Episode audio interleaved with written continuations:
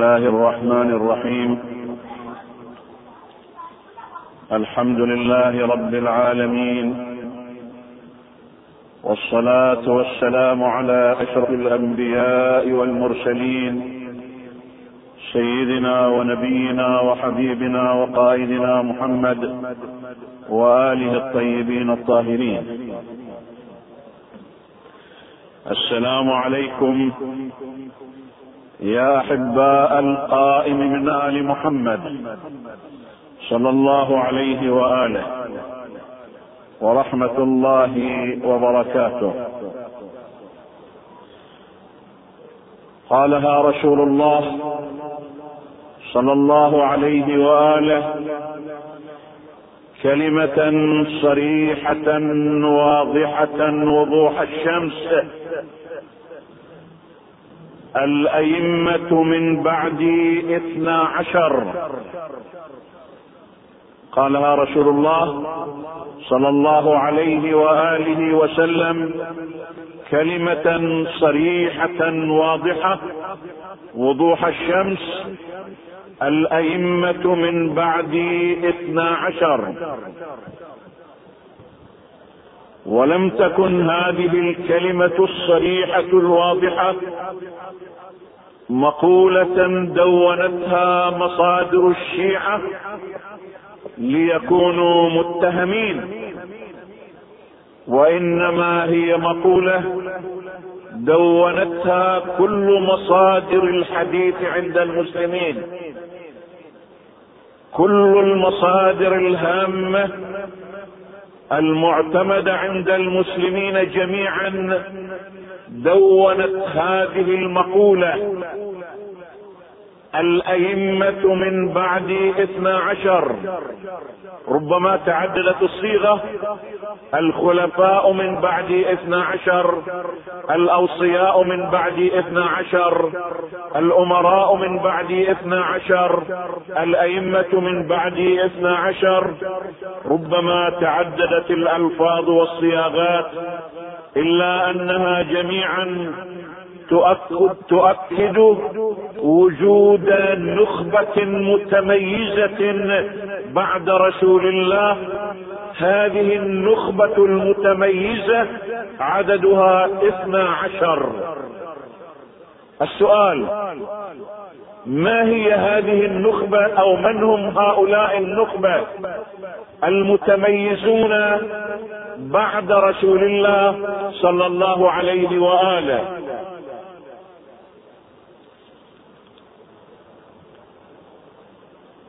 من المؤسف جدا أن يكون هناك جدل بين المسلمين في تحديد هذه النخبة المتميزة. تاه المسلمون شرقا وغربا. ماذا يعني رسول الله بوجود اثني عشر شخصية متميزة بعده؟ تشرقوا وغربوا وتاهت التفسيرات. وتاهت التأويلات.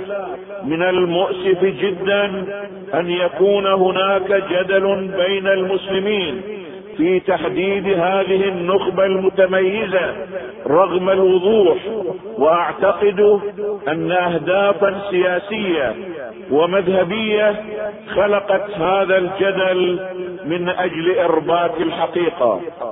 لا أريد هنا ونحن في احتفال لا يسمح لنا بالمعالجة العلمية أن أتناول التفسيرات والتأويلات التي احتشدت في كتب الحديث من أجل الوصول إلى معنى مقبول لهذه النصوص الثابتة التي تحدثت عن هذه المنظومة المتميزة والمتشكلة من العدد 12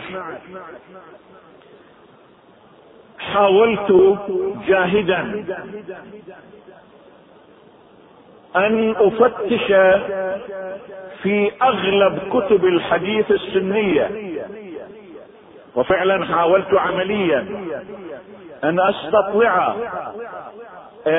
تفسيرا مقنعا مقبولا لهذا النص فلم أن أعثر على تفسير مقنع مقبول. قمت بعملية بحث دؤوب في الكثير من مصادر الحديث السنية بكل شروحاتها. لعلي أجد تفسيرا مقنعا مقبولا فلم أتوفق إلى ذلك وما عثرت عليه هو مجموعة محاولات مرتبكة ومشوشة وواضحة التكلف فمن يرغب أن يطلع على هذه المحاولات فليقرأ كتابنا التشيع نشوءه مراحله مقوماته.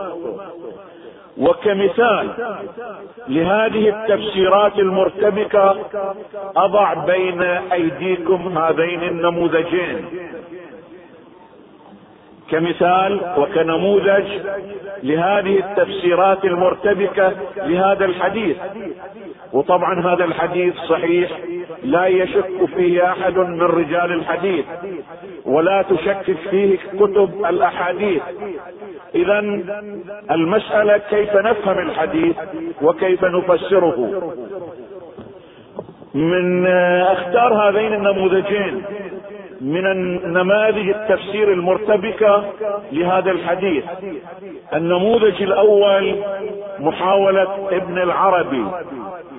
واسمحوا لي وإن كان هذا احتفال أن نمارس شيء من الدراسة العلمية باللغة المخففة جدا. النموذج الأول محاولة ابن العربي.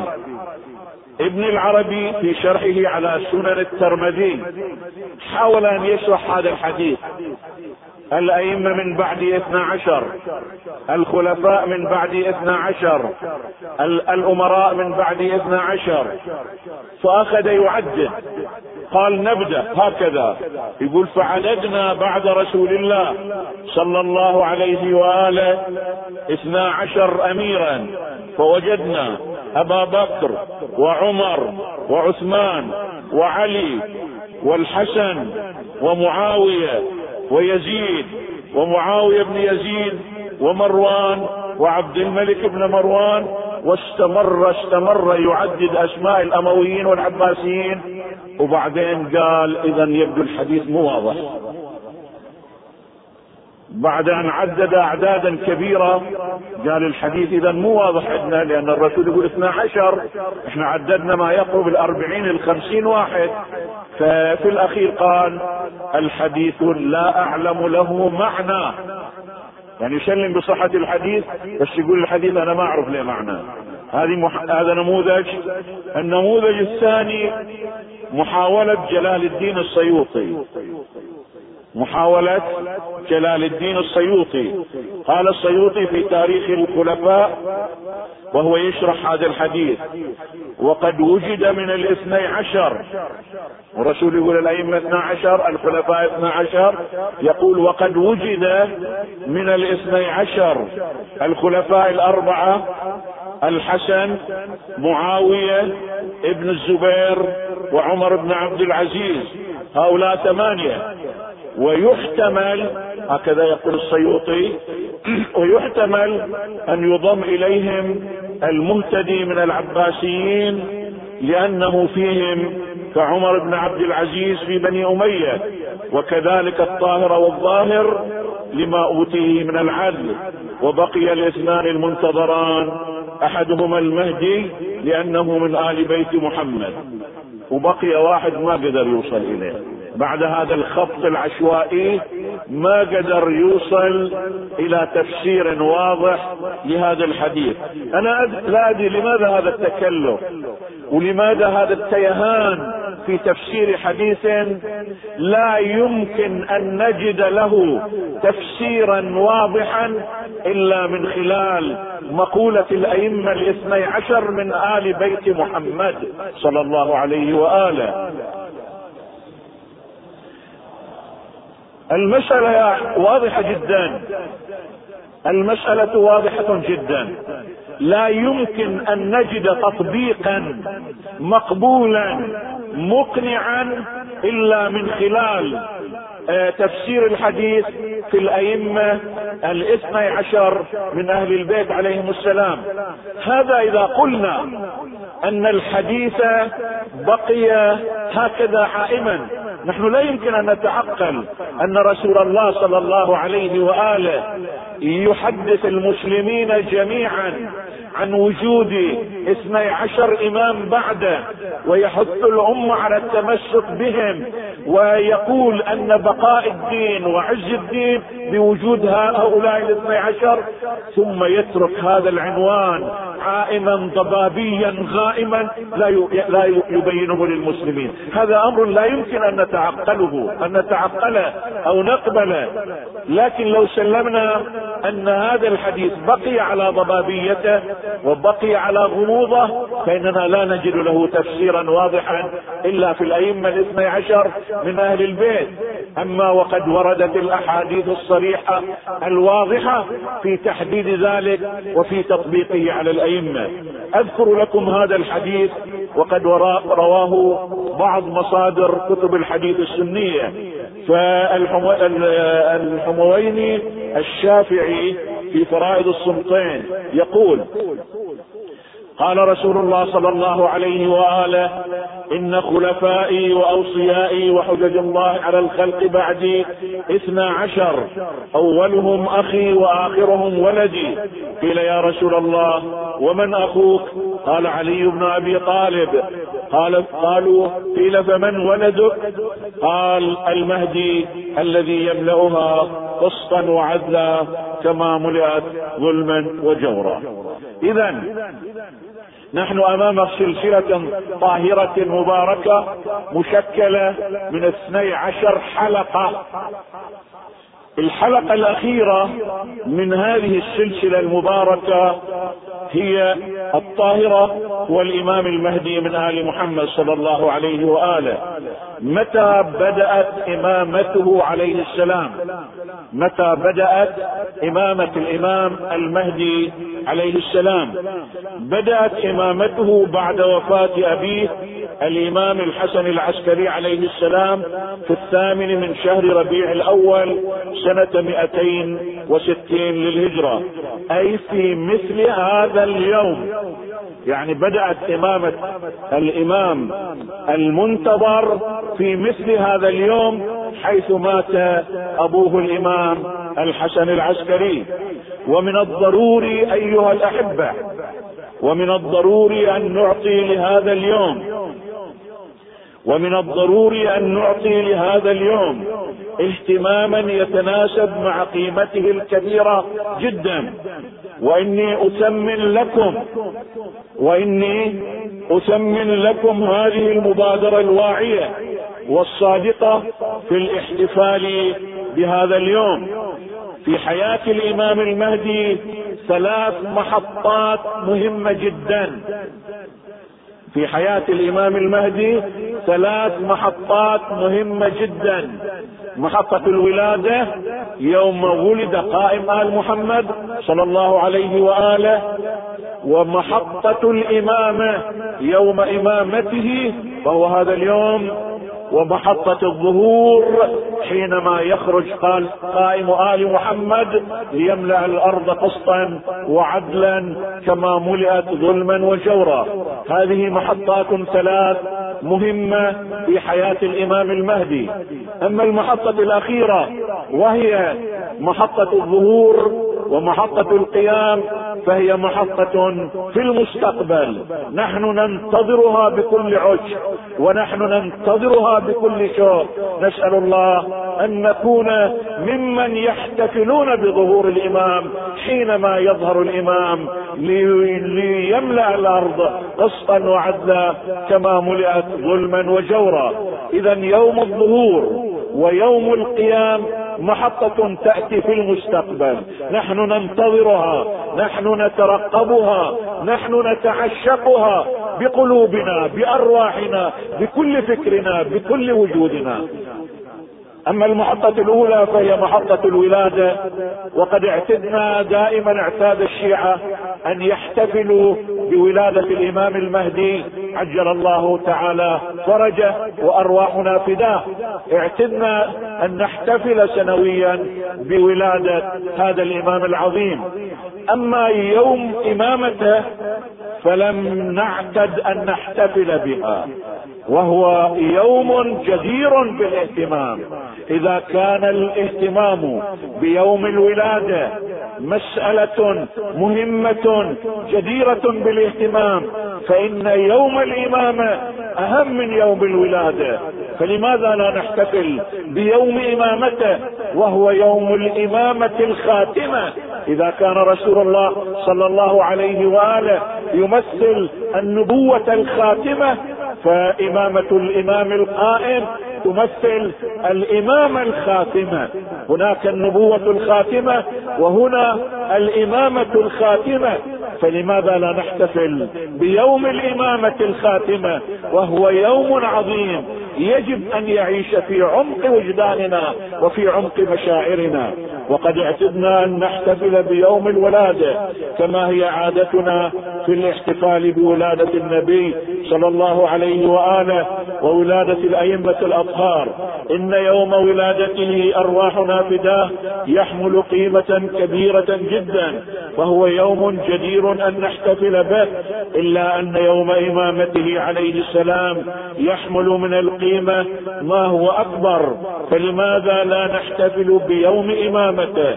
إذا كان يوم الغدير هو يوم التأسيس لخط الإمامة. إذا كان يوم الغدير هو يوم التأسيس لخط الإمامة. فإن يوم الإمامة في حياة الإمام المنتظر هو يوم الإمامة الخاتمة فيجب أن يكون لهذا اليوم خصوصيته في حياتنا ويجب أن يكون لهذا اليوم أهميته في توجهاتنا. إننا في حاجة أيها المؤمنون إننا في حاجة أن نعطي للإمام المنتظر حضوره في كل واقعنا. القيمة لا أن نحتفل بيوم الولادة. القيمة لا أن نحتفل بيوم الإمامة. القيمة أن نجعل الإمام المنتظر حاضرا في كل واقعنا. في واقعنا الثقافي في واقعنا الاجتماعي في واقعنا السياسي في كل وجودنا.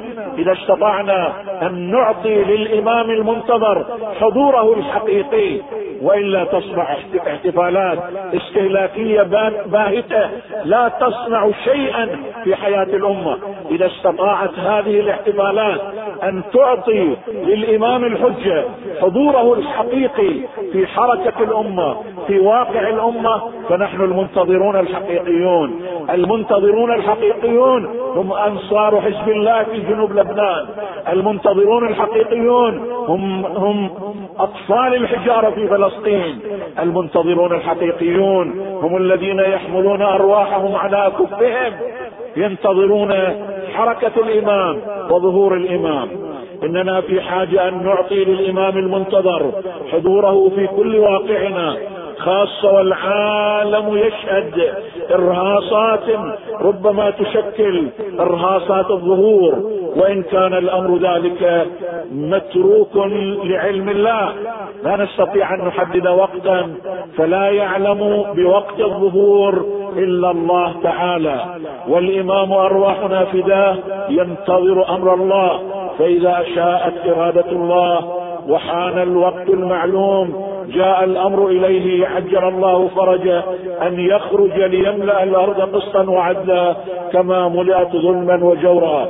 وقد جاء في الروايات النهي عن التوقيت. ورد في رواياتنا الصحيحة النهي عن التوقيت. لعن الله الوقاتين. الذين يقولون الإمام يطلع في الساعة الفلانية في الوقت الفلاني من من السنة الفلانية. هل تعلمون أن الإمام الحجة نفسه لا يعلم بوقت خروجه؟ يأتيه النداء من الله يأتيه الأمر من الله فيخرج ليملأ الأرض قسطا وعدلا. فلذلك لا يمكن أن نضع توقيتا العلامة على قرب ظهوره. نعم للظهور علامات عامة وهي لا تعبر عن قرب الظهور وعلامات خاصة إذا حدثت فقد قرب الظهور. المهم في هذا الظرف المشحون بالمتغيرات والمفاجآت يجب أن نعيش الاستنفار في علاقتنا بالإمام المنتظر. المهم أيها الأحبة في هذه المرحلة الصعبة التي ينطلق فيها مشروع الاستكبار العالمي وينطلق فيها المشروع الأمريكي من أجل الهيمنة على كل الوجود الإسلامي وعلى كل الوجود العربي من أجل أن تهيمن أمريكا من خلال مشروعها الاستعماري الجديد أن تهيمن على كل كياناتنا وعلى كل وجوداتنا وعلى كل مكوناتنا الحضارية والثقافية والاجتماعية والسياسية. في هذه المرحلة الصعبة نحن بحاجة أن نطرح مشروع الإمام المنتظر. الإمام المنتظر ليس حالة نعيشها في داخلنا كشيعة يؤمنون بالإمام المنتظر. الإمام المنتظر هو المشروع العالمي الذي ينتظره الكون بكامله. أي غنى وأي ثروة نملك في هذا الإمام العظيم؟ إنه مشروع الدنيا. إنه مشروع العالم إنه مشروع الكون الكبير الذي سيغير كل الكون من أي في في طريق الله وفي خط الله. اذا نحن الآن مطالبون أن نبدأ أن نتعامل مع المشروع العالمي الكبير وهو مشروع الإمام المنتظر. إذا كانت إمريكا تريد أن تفرض هيمنتها من خلال مشروع العولمة ومن خلال مشروع الاستعمار الجديد ومن خلال النظام العالمي الجديد فمشروعنا ومشروع الإمام المهدي الذي هو مشروع العالم ومشروع الكون. نحن أيها الأحبة بعد وقت بعد الوقت. نحن أيها الأحبة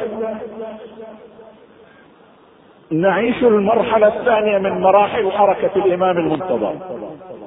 الإمام المنتظر مر أو قدر له أن يمر بثلاث مراحل رئيسية. ما هي هذه المراحل الرئيسية؟ الذي قدر لمشروع الإمام المنتظر أن يتحرك من خلالها. المرحلة الأولى وقد انتهت في التاريخ. إنها مرحلة تسمى مرحلة الغيبة الصغرى. المرحلة الأولى مرحلة الغيبة الصغرى. وقد بدأت هذه المرحلة سنة 260 للهجرة وانتهت سنة 329 للهجرة. هذه فترة الغيبة الصغرى للإمام المنتظر. هذه المرحلة كان الإمام المنتظر يمارس دورة في علاقته بالأمة من خلال مجموعة سفراء عينهم الإمام. السفير الأول السفير الثاني السفير الثالث السفير الرابع. والسفراء المعروفين هم عثمان بن سعيد العمري هذا السفير الأول. السفير الثاني محمد بن عثمان بن سعيد العمري. السفير الثالث الحسين بن روح النوبختي. السفير الرابع علي بن محمد الشمري. وبوفاة السفير الرابع انتهت مرحلة السفارة والنيابة الخاصة. ولذلك من جاء بعد بعد الغيبة الصغرى وادعى السفارة عن الإمام المنتظر فهو كذاب مفتر ملعون على لسان الأئمة. كل من يدعي أن أنه يحمل سفارة خاصة عن الإمام المنتظر بعد الغيبة الصغرى التي انتهت سنة 329 للهجرة بوفاة السفير الرابع. انتهت هذه السفارة وانتهت هذه المرحلة. وبوفاة السفير الرابع علي بن محمد السمري سنة 329 انتهت مرحلة الغيبة الصغرى وانتهت مرحلة النيابة الخاصة ومرحلة السفارة. فمن ادعى النيابة الخاصة أو السفارة عن الإمام المهدي بعد هذا التاريخ فهو كذاب مفتري. وقد صدر اللعن المغلظ عليه من قبل الإمام المهدي ارواحنا فداء وهذا من مسلمات المذهب ومن الاعتقادات القطعية التي لا خلاف فيه. فإذا ظهر جماعة فإذا ظهر جماعة يدعون النيابة الخاصة أو السفارة بعد انتهاء مرحلة الغيبة الصغرى فهؤلاء خارجون عن مسلمات المذهب وعن اعتقاداته القطعية ومحكوم بضلالهم ويجب على المؤمنين البراءة منهم ومقاطعتهم بعد اليأس من إصلاحهم وهدايتهم. هذه هي المرحلة الأولى في مشروع الإمام المهدي مرحلة الغيبة الصغرى. المرحلة الثانية في مرحلة في مشروع الإمام المهدي مرحلة الغيبة الكبرى. وقد بدأت الغيبة الكبرى بوفاة آه، السفير الرابع سنة 329 ولا زالت المرحلة الثانية قائمة إلى الآن.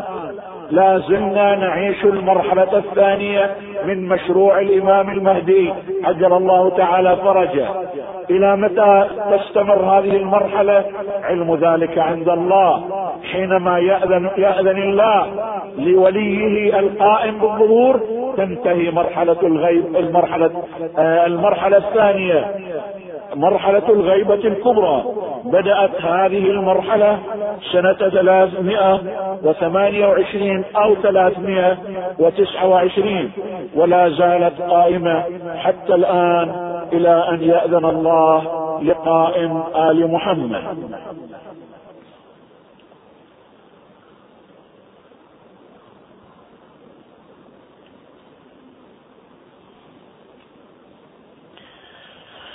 في هذه المرحلة. كيف يمارس الإمام المهدي دوره وقيادته للأمة؟ في مرحلة الغيبة الصغرى علمنا أن الإمام كان يمارس دوره من خلال السفراء تعيين سفراء معينين. هم نواب عن الإمام صين ولم يعين سفراء. فكيف آه، يدير قيادة الأمة؟ أو الإشراف على وضع الأمة في هذه المرحلة التي نسميها مرحلة الغيبة الكبرى. الإمام يمارس دوره أو مشروعه في هذه المرحلة من خلال النيابة العامة وليس من خلال النيابة الخاصة. ما معنى النيابة العامة؟ الإمام عين نوابا عامين وهم الفقهاء. عين نوابا عامين هم الفقهاء لم يعين شخصا بعينه وإنما طرح عنوانا عاما ووضع مواصفات معينة فمن توفرت فيه هذه المواصفات فهو بالنواب الإمام النواب العامين في مرحلة الغيبة ويجب على الأمة في هذه المرحلة أن ترتبط بالإمام الحجة من خلال الارتباط بنوابه وهم القيادة الفقهائية. إذا نحن الآن في مرحلة قيادة الفقهاء. المرحلة التي نعيشها هي مرحلة قيادة الفقهاء والإمام الحجة هو الذي حدد للأمة هذه القيادة ضمن مواصفات معينة وضمن مؤهلات معينة وضمن شروط معينة. فمتى توافرت هذه المواصفات؟ ومتى توافرت هذه الشروط؟ ومتى توافرت هذه المؤهلات؟ فقد وجدت القيادة النائبة المتمثلة في قيادة الفقهاء ووجب على الأمة أن تلتزم بهذه القيادة وأن ترتبط بهذه القيادة وأن أي قيادة لا يمكن أن تشكل قيادة تمارس دورها في مشروع الإمام المهدي. إلا القيادة الفقهائية ضمن المواصفات وضمن الشروط. اذا في هذه المرحلة الأمة مطالبة أن ترتبط بالمشروع الإمام المنتظر من خلال القيادة الفقهائية. وتبقى المرحلة الثالثة بمشروع الإمام وهي المرحلة التي ننتظرها وهي مرحلة الظهور ومرحلة قيام الإمام. كيف يظهر؟ كيف يقوم؟ ما هي مواصفات مشروعة في مرحلة الظهور؟ كيف سيواجه القوى المهيمنة في العالم؟ الإمام سيظهر وامريكا يمكن مهيمنة على العالم. آه، القوى الاستكبارية مهيمنة على العالم. قوى القوى السياسية المناهضة للإسلام مهيمنة على العالم. كيف سينتصر الإمام على هذه القوى؟ وكيف سيواجه هذه الكيانات السياسية؟ وكيف سيواجه الترسانة العسكرية في في هذه المرحلة الخطيرة؟ هذا حديث لا يسع الوقت أن نتناول الآن. إنما نريد أن نقول أن المرحلة الأخيرة هي المرحلة التي نستشرفها هي المرحلة التي ننتظرها هي المرحلة التي نترقبها. مسؤوليتنا أن نعد أنفسنا لهذه المرحلة أن نعد أنفسنا فكريا وثقافيا لمرحلة الظهور أن نعد أنفسنا روحيا واخلاقيا لمرحلة الظهور أن نعد أنفسنا عمليا على مستوى التقوى على مستوى الورع على على مستوى الالتزام. لنعد أنفسنا لمرحلة الظهور. أن نعد أنفسنا رساليا جهاديا لنكون بمستوى الاستعداد لمرحلة الظهور أن نعد أنفسنا سياسيا اجتماعيا. هذه إعدادات؟ لابد أن نمارسها الآن. وهي العمق الأساس في التعاطي مع مشروع الإمام. ليس المهم أن نحتفل وليس المهم ان أن نثير الدنيا ضجيجا. المهم كيف نمارس مشروع الإعداد لنكون المؤهلين لظهور الإمام ولحركة الإمام. إذا مارسنا دورنا الحقيقي كأفراد كجماعات كمؤسسات ككيانات ك كأنظمة كأحزاب إذا مارسنا دورنا الحقيقي في الإعداد الحقيقي لمرحلة الظهور فنحن المحتفلون حقيقة بيوم الإمامة ويوم الولادة ونحن المستشرفون حقيقة ليوم الظهور ويوم القيام. وإلا نبقى نترنى ونبقى نثير الدنيا ضجيجا ولكننا في واقعنا العملي. لم نصنع شيئا يجعلنا مؤهلين لأن نكون من أنصار الإمام. كيف نستقبل الإمام؟ الإمام لن ينتظر منا أن نستقبله بالأهازيج. الإمام لا ينتظر منا أن نستقبله بالتصفيق. الإمام لا ينتظر منا أن نستقبله بالضجيج. الإمام لا ينتظر منا أن نستقبله بالموائد وبالزينات وبالأفراح.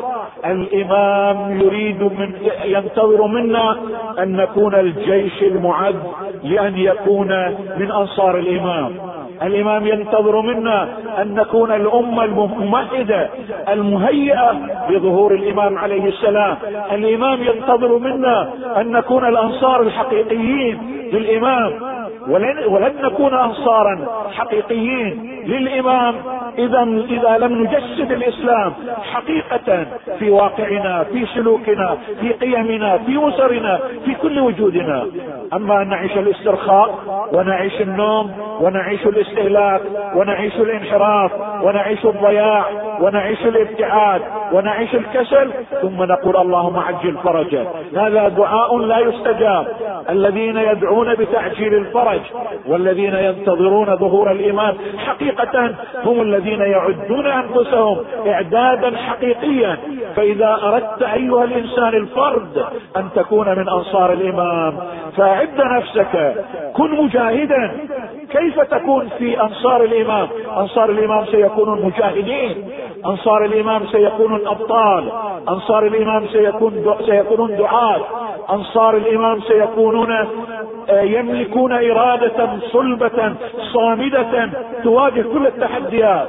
إذا لم تعد نفسك على مستوى التحدي وعلى مستوى الصمود وعلى مستوى المواجهة وعلى مستوى آه، الثبات على العقيدة والمبدأ كيف ستكون من أنصار الإمام وكيف تكون ممهدا وموطئا لظهور الإمام عليه السلام.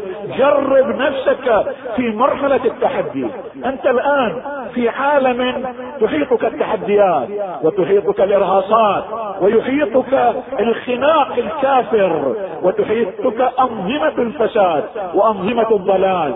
أنت أمام المشروعات التي تحارب الإسلام. فكن مجربا لدورك في هذه المرحلة.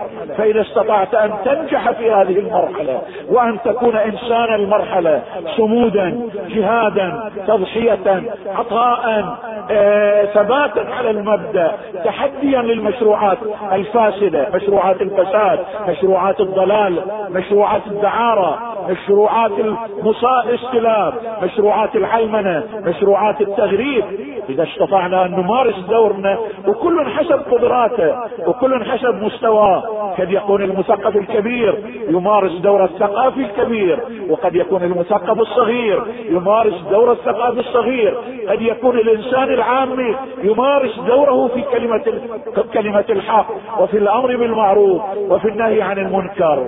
المهم إذا أردت ان تعد نفسك إعدادا حقيقيا لظهور الإمام المنتظر فابدأ تجربة التصدي وتجربة المواجهة وتجربة العمل الإسلامي من خلال الكلمة من خلال الموقف من خلال التحدي.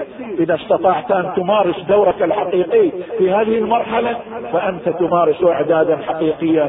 وإلا وخير لك أن لا تدعي تدعي أنك من ممن يطلب ظهور الامام ولا تمني نفسك بالظهور لأنك ستكون أول من ينتقم منه الامام إذا كنت لم تكن بمستوى هذا الإعداد الحقيقي ولست بمستوى هذا التهيؤ الحقيقي لظهور الإمام قد نكون من الذين ينتقم الإمام منا لأن الإمام ليس لديه مجاملات ليس لديه مجاملات بحيث يجامل من يقول يا إمام أنا من شيعتك أنا اقرا دعاء الندبه في كل جمعة أو في كل سبت أنا أزورك في كل يوم فإذا أنا من أنصارك أنا من محبيك. الإمام لا يتعامل بالمجاملات. الامام يتعامل مع الواقع. أنت في الواقع ماذا تصنع؟ هل أنت المتقي الورع في الواقع؟ إذا كنت متقيا ورعا إذا كنت تحمل قيم إذا كنت مجاهدا إذا كنت صامدا إذا كنت ثابتا فأنت من أنصار الامام نسأل الله أن يجعل هذه الاحتفالات المنطلق الحقيقي لإعداد الأمة. ونحن ندعو في هذه المرحلة إلى استغفار كامل بحيث نستغفر حضور الامام والحديث عن الامام والارتباط بالامام صياغة شبابنا في خط الامام صياغة بناتنا في خط الامام صياغة أطفالنا في خط الإمام صياغة أسرنا في خط الإمام صياغة كل حركتنا في خط الإمام لأنه مشروع العصر ومشروع الدنيا ومشروع الحياة في آخر اشواطها والحمد لله رب العالمين. والسلام عليكم ورحمة الله وبركاته.